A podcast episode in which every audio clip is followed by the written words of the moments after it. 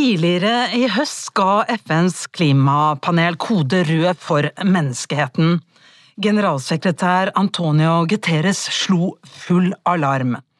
Bevisene er uomtvistelige.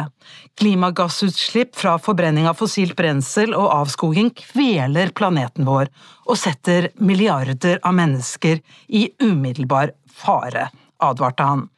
Når vi spiller inn denne podkasten, står klimatoppmøtet i Glasgow for døren. Hvordan forbereder oljenasjonen Norge seg til dette og kommende klimatoppmøter? Og hvordan kan oljepolitikken redde verden? I denne episoden av podkasten Universitetsplassen møter vi Karine Nyborg, eh, som er økonomiprofessor ved Universitetet i Oslo, med miljøøkonomi som fagfelt. Og vi møtte Bård Lahn, forsker ved Cicero senter for klimaforskning. Og Bård har fulgt klimaforhandlinger tett i mange år på vegne av norske miljøorganisasjoner. Jeg heter Gro Lien Garbo. Eh, velkommen, begge to. Takk. Tusen takk. Eh, Karine Nyborg, ja, hvordan kan en god oljepolitikk gjøre noe bra for klimaet? Ja, det er jo rett og slett sånn at nå har vi Verden har forsøkt i flere tiår å redusere etterspørselen etter fossile brensler nok. Og vi har ikke fått det til, så nå er det på tide å forsøke fra den andre siden også å kutte produksjonen. Vi skal snakke eh, mye mer om dette, men la oss først spole litt tilbake, Bårland. FNs klimapanel har alarmert oss. Eh, Det internasjonale energibyrået er like tydelig. Hva, hva står egentlig på spill nå? Ja, Det som vi har sett veldig tydelig i de eh, eh, rapportene som har kommet derfra, er jo at det haster veldig å kutte klimagassutslippene hvis man skal klare å nå de målene som verden har blitt enige om i Parisavtalen. Der er målet at vi skal begrense temperaturstigninga til godt under to grader, og aller helst holde den ned mot 1,5 grad i forhold til førindustrielt nivå. Vi har allerede sett ca. 1 grads oppvarming, eh, så det må veldig store og drastiske utslippskutt eh, til eh, for å nå målene. Og, og det her har vi jo egentlig visst, som Karine sier, i flere tiår, ikke sant? men det er jo bare det at siden det har gått så sakte med å komme i gang med de kuttene, da, så haster det jo mer og mer å, å, å få det til hvis de overordna målene skal nås.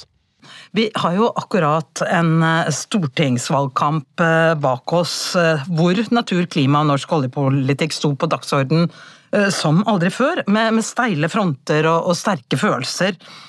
Og uh, saken ser jo sånn sett ut i hvert fall å ha blitt mer og mer allemannseie. Uh, hva, hva skyldes det, tror dere?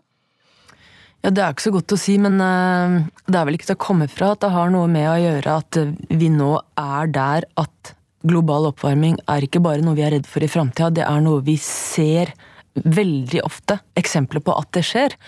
Eh, Og vi er på en måte kommet dit at eh, det er blitt nokså klart at en god del fenomener som vi ser rundt omkring, som kan være ganske skremmende, som skogbranner og den typen ting, at det, er ikke lenger bare tilfeldigheter. Dette er noe som skjer. Og det er mange som rett og slett syns det er skummelt. Og så tror jeg jeg skal huske på at selv om jeg er helt enig i at vi ser et sånn kjempeengasjement, saken har blitt veldig viktig på en måte på tvers av det politiske spekteret nå, så er jo ikke det egentlig eh, i og for seg noe nytt. Altså, eh, De målingene vi har av klima- og miljøengasjement, viser jo at det aller største miljøengasjementet i norsk politikk eh, hadde man jo i forbindelse med stortingsvalget i 1989. Sånn at eh, det her er jo noe man har holdt på å diskutere lenge, og som har vært politisk kontroversielt lenge. Altså I, i 2001 så gikk en regjering av fordi av en klimasak. ikke sant? Sånn at det har vært et, et viktig politisk Minn oss om hvilken. Eh, ja, det var eh, eh, Bondevik-regjering, altså Bondeviks første regjering, da, som, som gikk av fordi den nekta å eh, godta utbygging av forurensende eller gasskraftverk uten CO2-rensing eh, av klimahensyn. Sånn at det er på en måte en sak man har bala med lenge i norsk politikk, og som har vært viktig lenge, men jeg tror, som Karina er inne på, at det er noe med at den oppleves stadig mer akutt, som jo ikke er så rart, i og med at vi ser stadig større endringer. Og så er det kanskje også det at har, man har kommet litt over i en ny fase hvor man heldigvis da er litt ferdig med å diskutere disse overordna målene, og hva er det faktisk vi ønsker å få til, og er kommet mye mer over i ok, hva er det faktisk vi gjør i implementeringen, gjennomføringen av politikken. Og da er det mange nye spørsmål som dukker opp, og som er kontroversielle og vanskelige, sånn som oljespørsmålet, f.eks. Og det skal vi absolutt bruke tid på, men jeg har bare lyst til å si altså noen av oss, eller mange av oss, syns det er vanskelig å følge med. Både i klimadebattene og, klimaforskningen, og gå litt i surr når det gjelder kvoter, avtaler, forpliktelser og hva som er hva. Eh, er, eller har debatten blitt for teknisk, altså en, en debatt for de få? Nei, jeg syns ikke det. det. Dette er et veldig omfattende spørsmål, og det er klart at deler av det er teknisk. Eh, men nettopp det at det har vært så eh, aktuelt i valgkampen f.eks., viser jo at dette er noe som engasjerer mange. Det er ikke nødvendig at alle vet alt for å delta i denne debatten, syns jeg, men det er fint at vi kan ha sånne podkaster som dette og kanskje prøve å bidra litt mer. Eh, Bård, kort fortalt, hva er hovedlinjene i norsk klimapolitikk? Ja, eh, altså Hovedlinjen i norsk klimapolitikk er jo egentlig, eh, blant mange andre ting, veldig godt tilpasset det at Norge både ønsker å spille en på en måte positiv rolle på klimasiden og være et såkalt foregangsland i miljøpolitikken, som har vært et mål helt siden 1990-tallet, og kombinere det med å være en stor oljeprodusent. Og det er jo ikke bare enkelt, men måten man har klart å kombinere det på historisk, er jo at Norge har vært en veldig sterk støttespiller for den tilnærmingen til klimapolitikken som lå til grunn for Kyoto-avtalen, som var den FN-avtalen som blei vedtatt i 1997, og som på en måte fram til Parisavtalen eh, kom eh, i 2015, har vært den viktigste internasjonale klimaavtalen. Og der er konseptet det at på en måte alle land, i første omgang alle de rike landene, da, får et eh, tallfestet mål for hvor mye de skal kutte sine utslipp men så kan de eh, handle med, eh, med, hverandre, handle utslippskutt med hverandre. Altså de kan, eh, hvis det er et eh, land som har vanskelig for å kutte sine utslipp, eller det er fryktelig dyrt å kutte utslipp, så kan de betale andre land eh, for å kutte litt mer enn de ellers måtte gjort. Altså dette systemet med kvotehandel. Um, og det har Norge vært en veldig sterk pådriver på, nettopp ut fra en tanke om at det er den måten man kan få globalt sett de mest kostnadseffektive utslippskuttene, uh, og det er dermed også det som vil på en måte gå minst mulig utover um, verdien av norsk oljeproduksjon, da, på et vis. Um, og, og, det at man da har fokusert på hvor klimagassutslippene kommer fra, altså når fossil energi blir forbrent og blir til utslipp, det har også da gjort at man kan legge fokuset på forbruket av fossil energi, ikke på produksjonen. Og dermed så har man klart på en måte fra norsk side å skille oljedebatten, debatten om produksjonen av olje her i Norge, fra den debatten om forbruk og utslipp og klimapolitikk. Så i, i, i norsk sammenheng så har de to spørsmålene inntil for noen få år siden vært diskutert ganske sånn eh, som to separate ting, da. Har forskerne også sett dette eh, separat, Karina? Ehm, ja, til en viss grad. Altså, eh, en av mine kolleger publiserte allerede i 1994 en artikkel hvor han viser teoretisk at eh, dette er faktisk ting som egentlig er viktig å se i sammenheng, av, av kostnadseffektivitetsgrunner. Um, og at uh, tiltak for å redusere produksjonen og tiltak for å redusere etterspørselen av fossile brensler faktisk kan uh, si, utfylle hverandre da, og gjøre begge tiltakene mer effektive hvis du gjør begge deler på en gang. Men av en eller annen grunn som jeg ikke helt forstår, så har vi ikke snakket så mye om dette i, i økonomiforskningsmiljøene heller, som er den, den, delen av forskningen som jeg er mest med i, da. Um, og det, det, kan nok hende det har hatt med å gjøre at inntil omtrent Parisavtalen ble inngått i 2015, så trodde vi alle sammen at det som skulle skje, var at vi skulle få stadig bedre varianter av denne Kyoto-avtalen eller noe lignende, som jo var bygd opp på at alle skulle ta ansvar for sine egne utslipp, altså utslipp på egen jord, da. På landets egen jord. Men Parisavtalen er helt annerledes enn Kyoto-avtalen. Der er det mer sånn at det er ikke sånn at man først blir enige om hvem som skal få lov å slippe ut hva, og så kan man eventuelt få lov å handle, som Bård forklarte. Eh, det er mer sånn at eh, alle kan komme med de bidragene de har lyst til, nærmest. Eh, og så forplikter de seg til det, og forplikter seg også til å bli gradvis mer ambisiøse. Men, men hvis man ikke har lyst til å forplikte seg til nesten noen ting, så melder man ikke inn nesten noen ting. Og det er en veldig annerledes type situasjon. Og da det var nok omtrent da at debatten i de mer samfunnsfaglige forskningsmiljøene i hvert fall, starta for alvor med at man måtte også se på produksjonssida.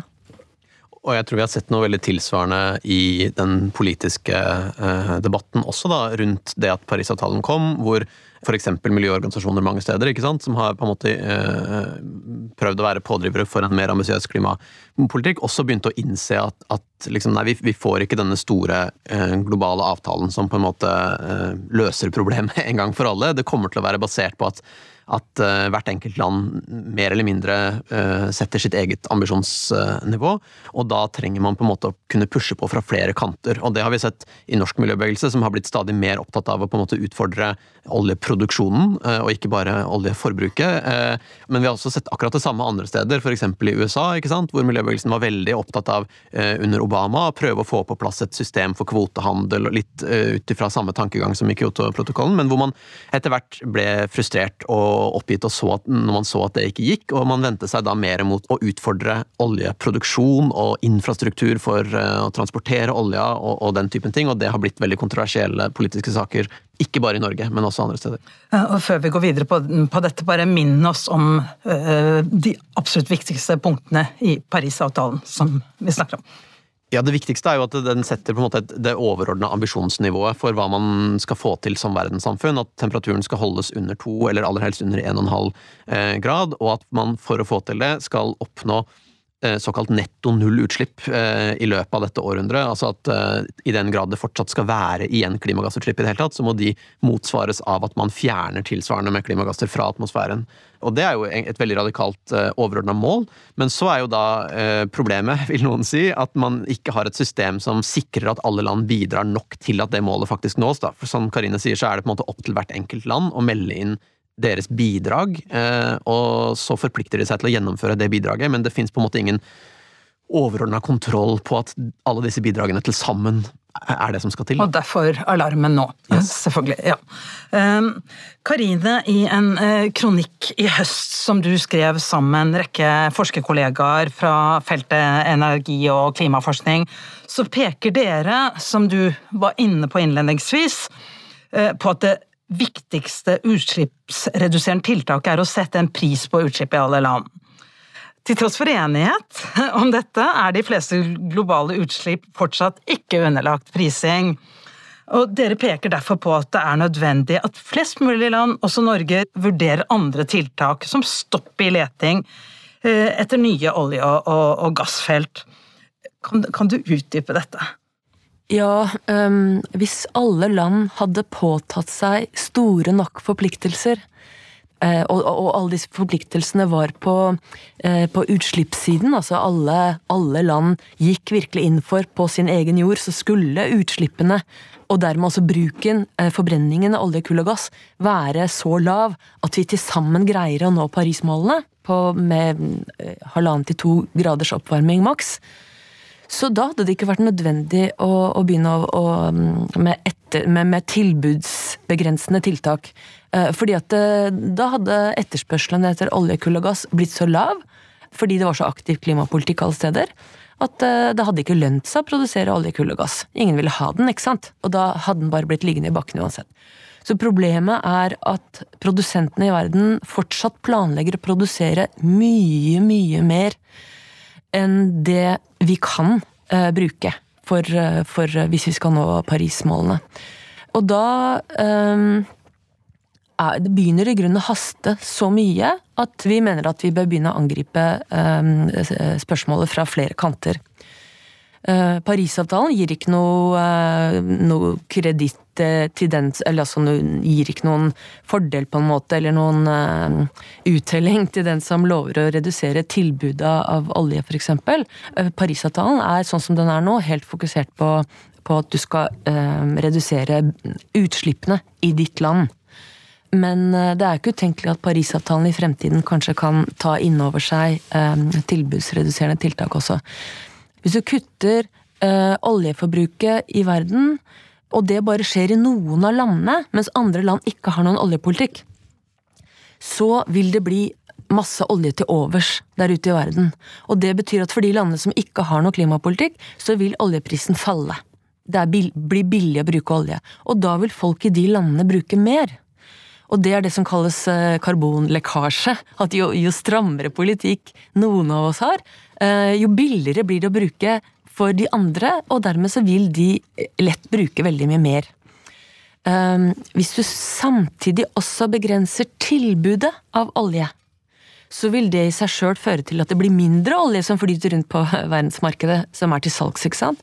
Og det vil gjøre at prisene går opp. Så disse to typene tiltak motvirker hverandre. Det ene gjør at prisene faller, det andre gjør at prisene stiger. Så hvis du gjør begge deler, så får du ikke Eh, det samme problemet med, med, denne lekkasjen, som jeg kalte det. Da Så da vil ikke responsen fra um, markedet i de landene som ikke har klimapolitikk, det vil ikke på samme måte undergrave politikken i de landene som faktisk forsøker å gjøre noe. Og Derfor så kan det være veldig viktig å, og angripe problemet fra to kanter eh, på en gang. Dette er en av grunnene til det. da.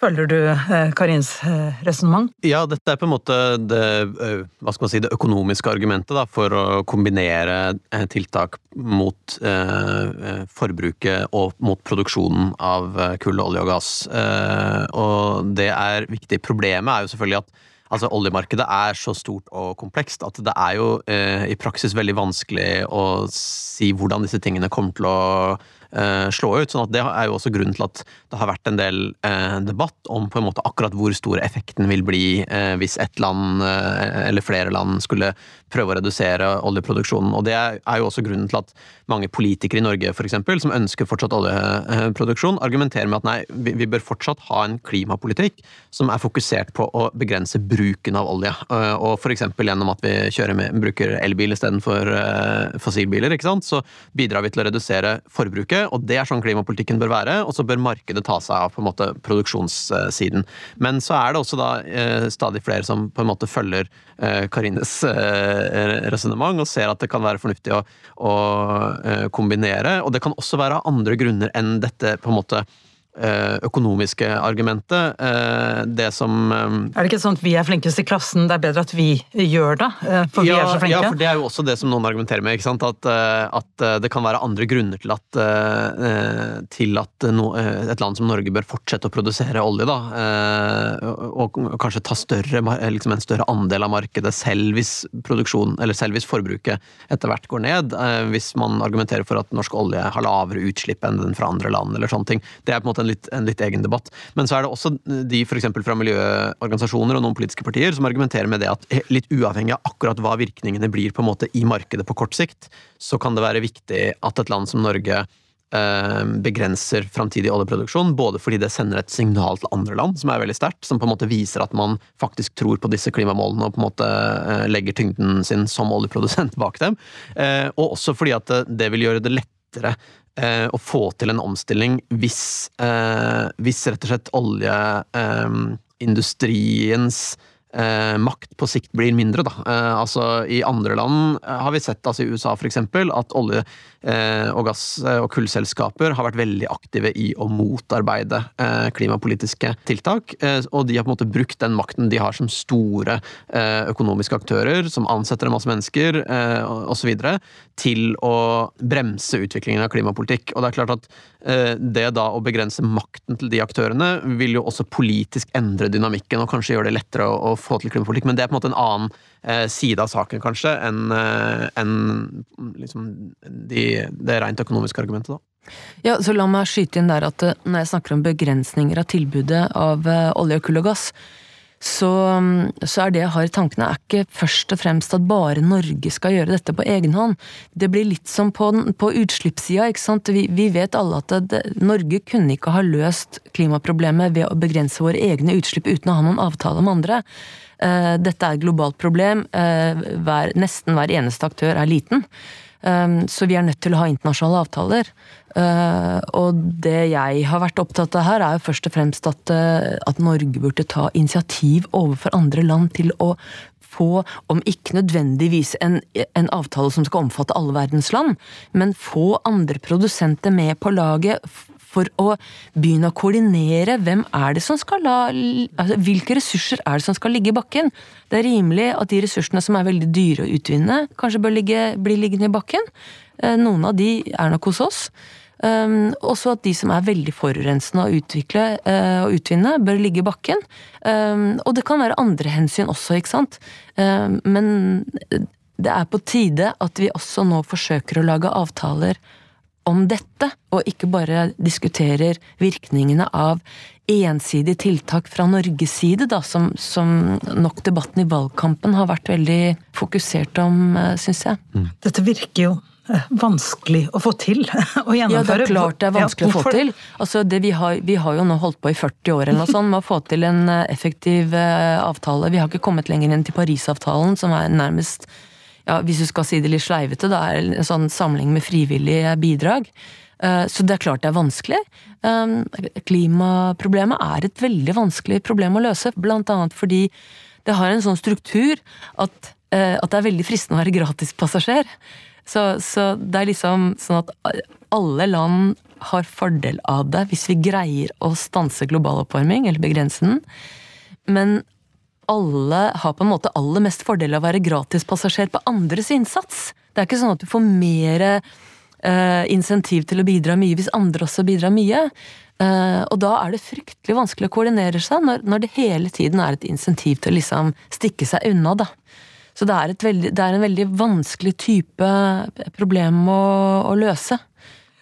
Hva er de, eh, de, gode økonomiske sidene, vi snakker om økonomi, argumentene for at hele verden går inn for et grønt skifte? Skjønner at her må vi gjøre denne snuoperasjonen. Det er jo alarmert. Ja, altså det, det eh, Hovedargumentet er jo rett og slett at eh, global oppvarming kan vise seg å være veldig skadelig. Eh, I den grad at det er ingen som ønsker det. Eh, så, så, motargumentene handler først og fremst om eh, hvilke virkemidler som skal brukes, og hvem som skal gjøre det.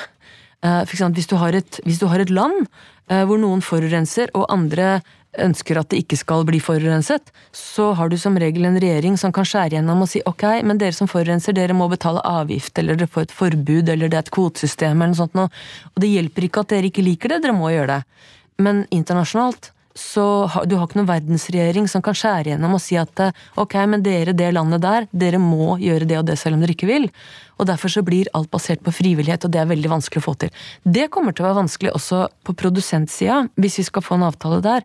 Men da er det viktig å være klar over også at det er en viktig side ved um, klimadebatten, er som Bård påpekte, at uh, oljeprodusenter har, og, og, og kull- og gassprodusenter har vært blant eh, viktige motstandere mot klimapolitikken. Og det er ikke noe rart, fordi at med en aktiv klimapolitikk av den typen vi har hatt hittil, som bare angriper etterspørselssiden, så den fører til at prisene på verdensmarkedet faller og faller og faller, og det betyr at de ressursene de har i bakken, som de gjerne fortsatt vil selge, de blir mindre og mindre verdt.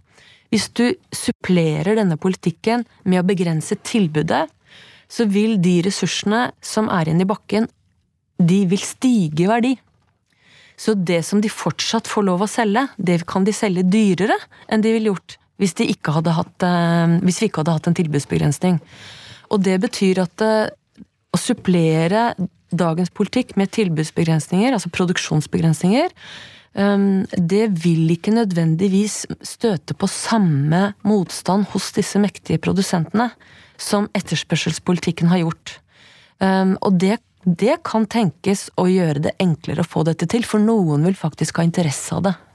Og det ser man jo til en viss grad i praksis òg. uh, altså F.eks. i Kina så har man jo hatt uh, et moratorium, uh, altså en, en, forbud mot å åpne nye kullgruver. Jeg kjenner ikke så godt til i praksis hvordan det har fungert og, og vært implementert, men, men det, er, det, er, klart at du kan tenke på det som et klimatiltak, men veldig mye av begrunnelsen har jo vært at hvis du åpner stadig nye gruver, så går jo lønnsomheten ned i de gruvene som allerede er der. ikke sant? Sånn at det, det, er, et direkte på en måte økonomisk argument Eh, for produsentene, da, å, begrense, begrense eh, produksjonen noe. Men det som jeg tenker blir interessant framover, er jo eh, for, for, dem som studerer internasjonal politikk, da, hvordan den på en måte utvikler seg i, i praksis, det er jo hvis man skulle fått til en sånn type avtale eh, som Karine mm, på en måte argumenterer for, der du på en eller annen måte koordinerer eh, produksjonen eh, og etter hvert begrenser produksjonen av fossil energi.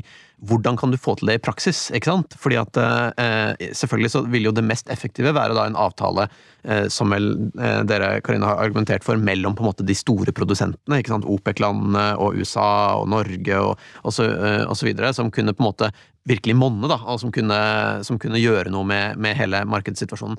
Men i praksis så ser vi at de landene er jo typisk de som er minst villige til å begrense eh, produksjonen per i dag, mens det vi har fått, er jo faktisk nå en, en begynnende allianse av land som som eh, lover at Som er veldig små produsenter, men som nett, kanskje nettopp derfor har gått høyt på banen og lovt at de skal slutte å produsere. Sånn som eksempel Danmark, ikke sant? som eh, skal avvikle sin olje- og gassproduksjon. Eh, Costa Rica har sagt det, Grønland har sagt det, som ikke har noe produksjon i dag, men som har store ressurser, så de kunne kanskje kommet i gang. Eh, og da blir det på en måte spennende å se. Det vil ha liten praktisk effekt eh, på oljeproduksjonen på kort sikt, men det kan likevel være viktig for kanskje å endre på en måte normer i det internasjonale samfunnet over tid, sånn at det blir vanskeligere for land som Norge å forsvare fortsatt oljeproduksjon.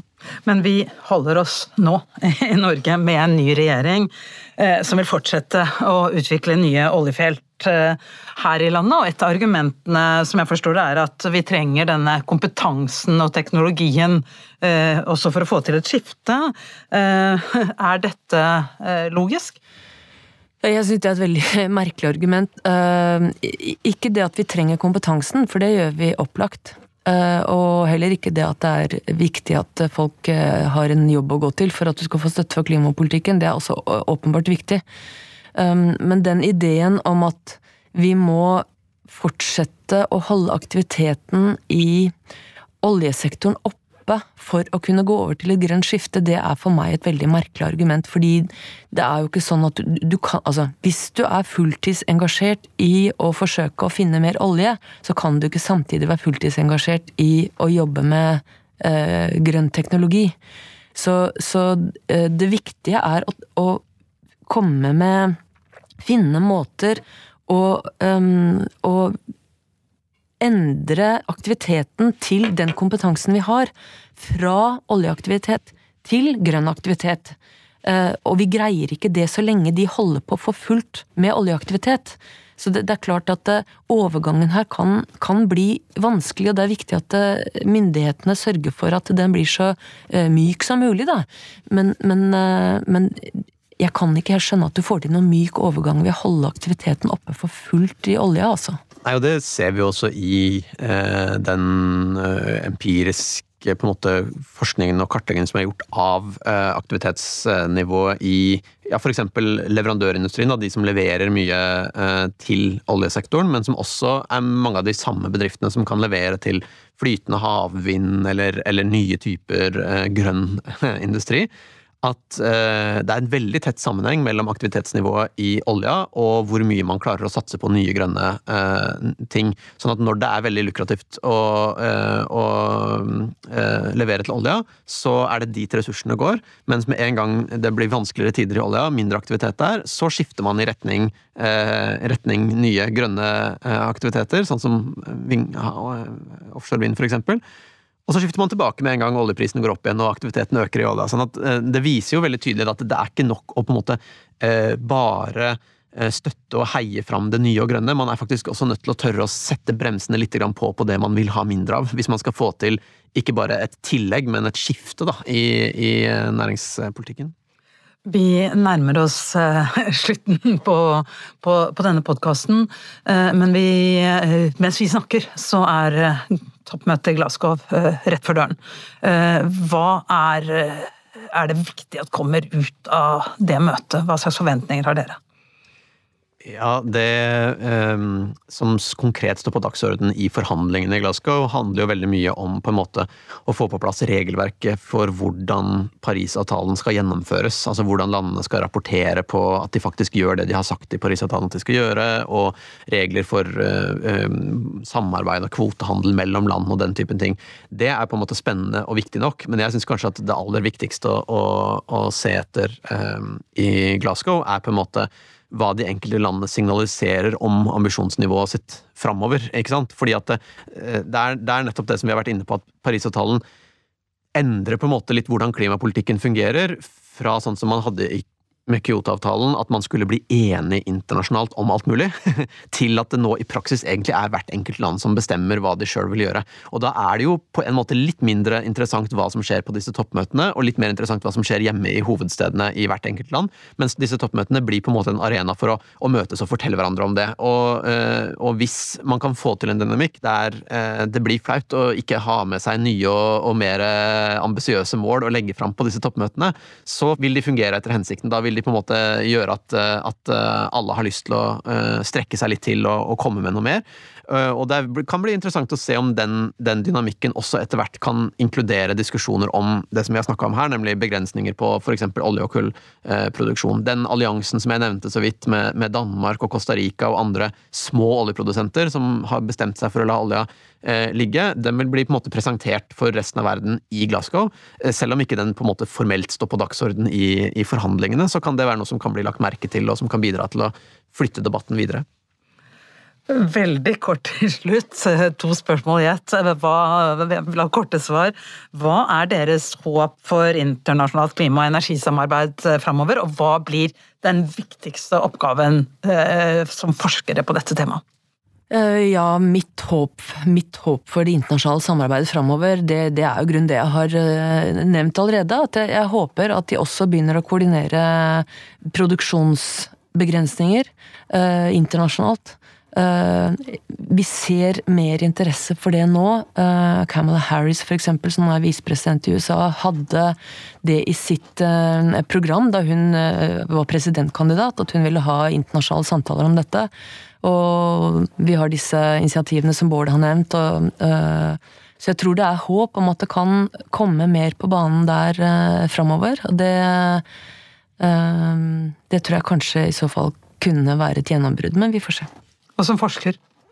Som forsker vi må jobbe videre med hvordan vi kan få til dette her i praksis. Hvordan vi kan løse gratispassasjerproblemet, rett og slett.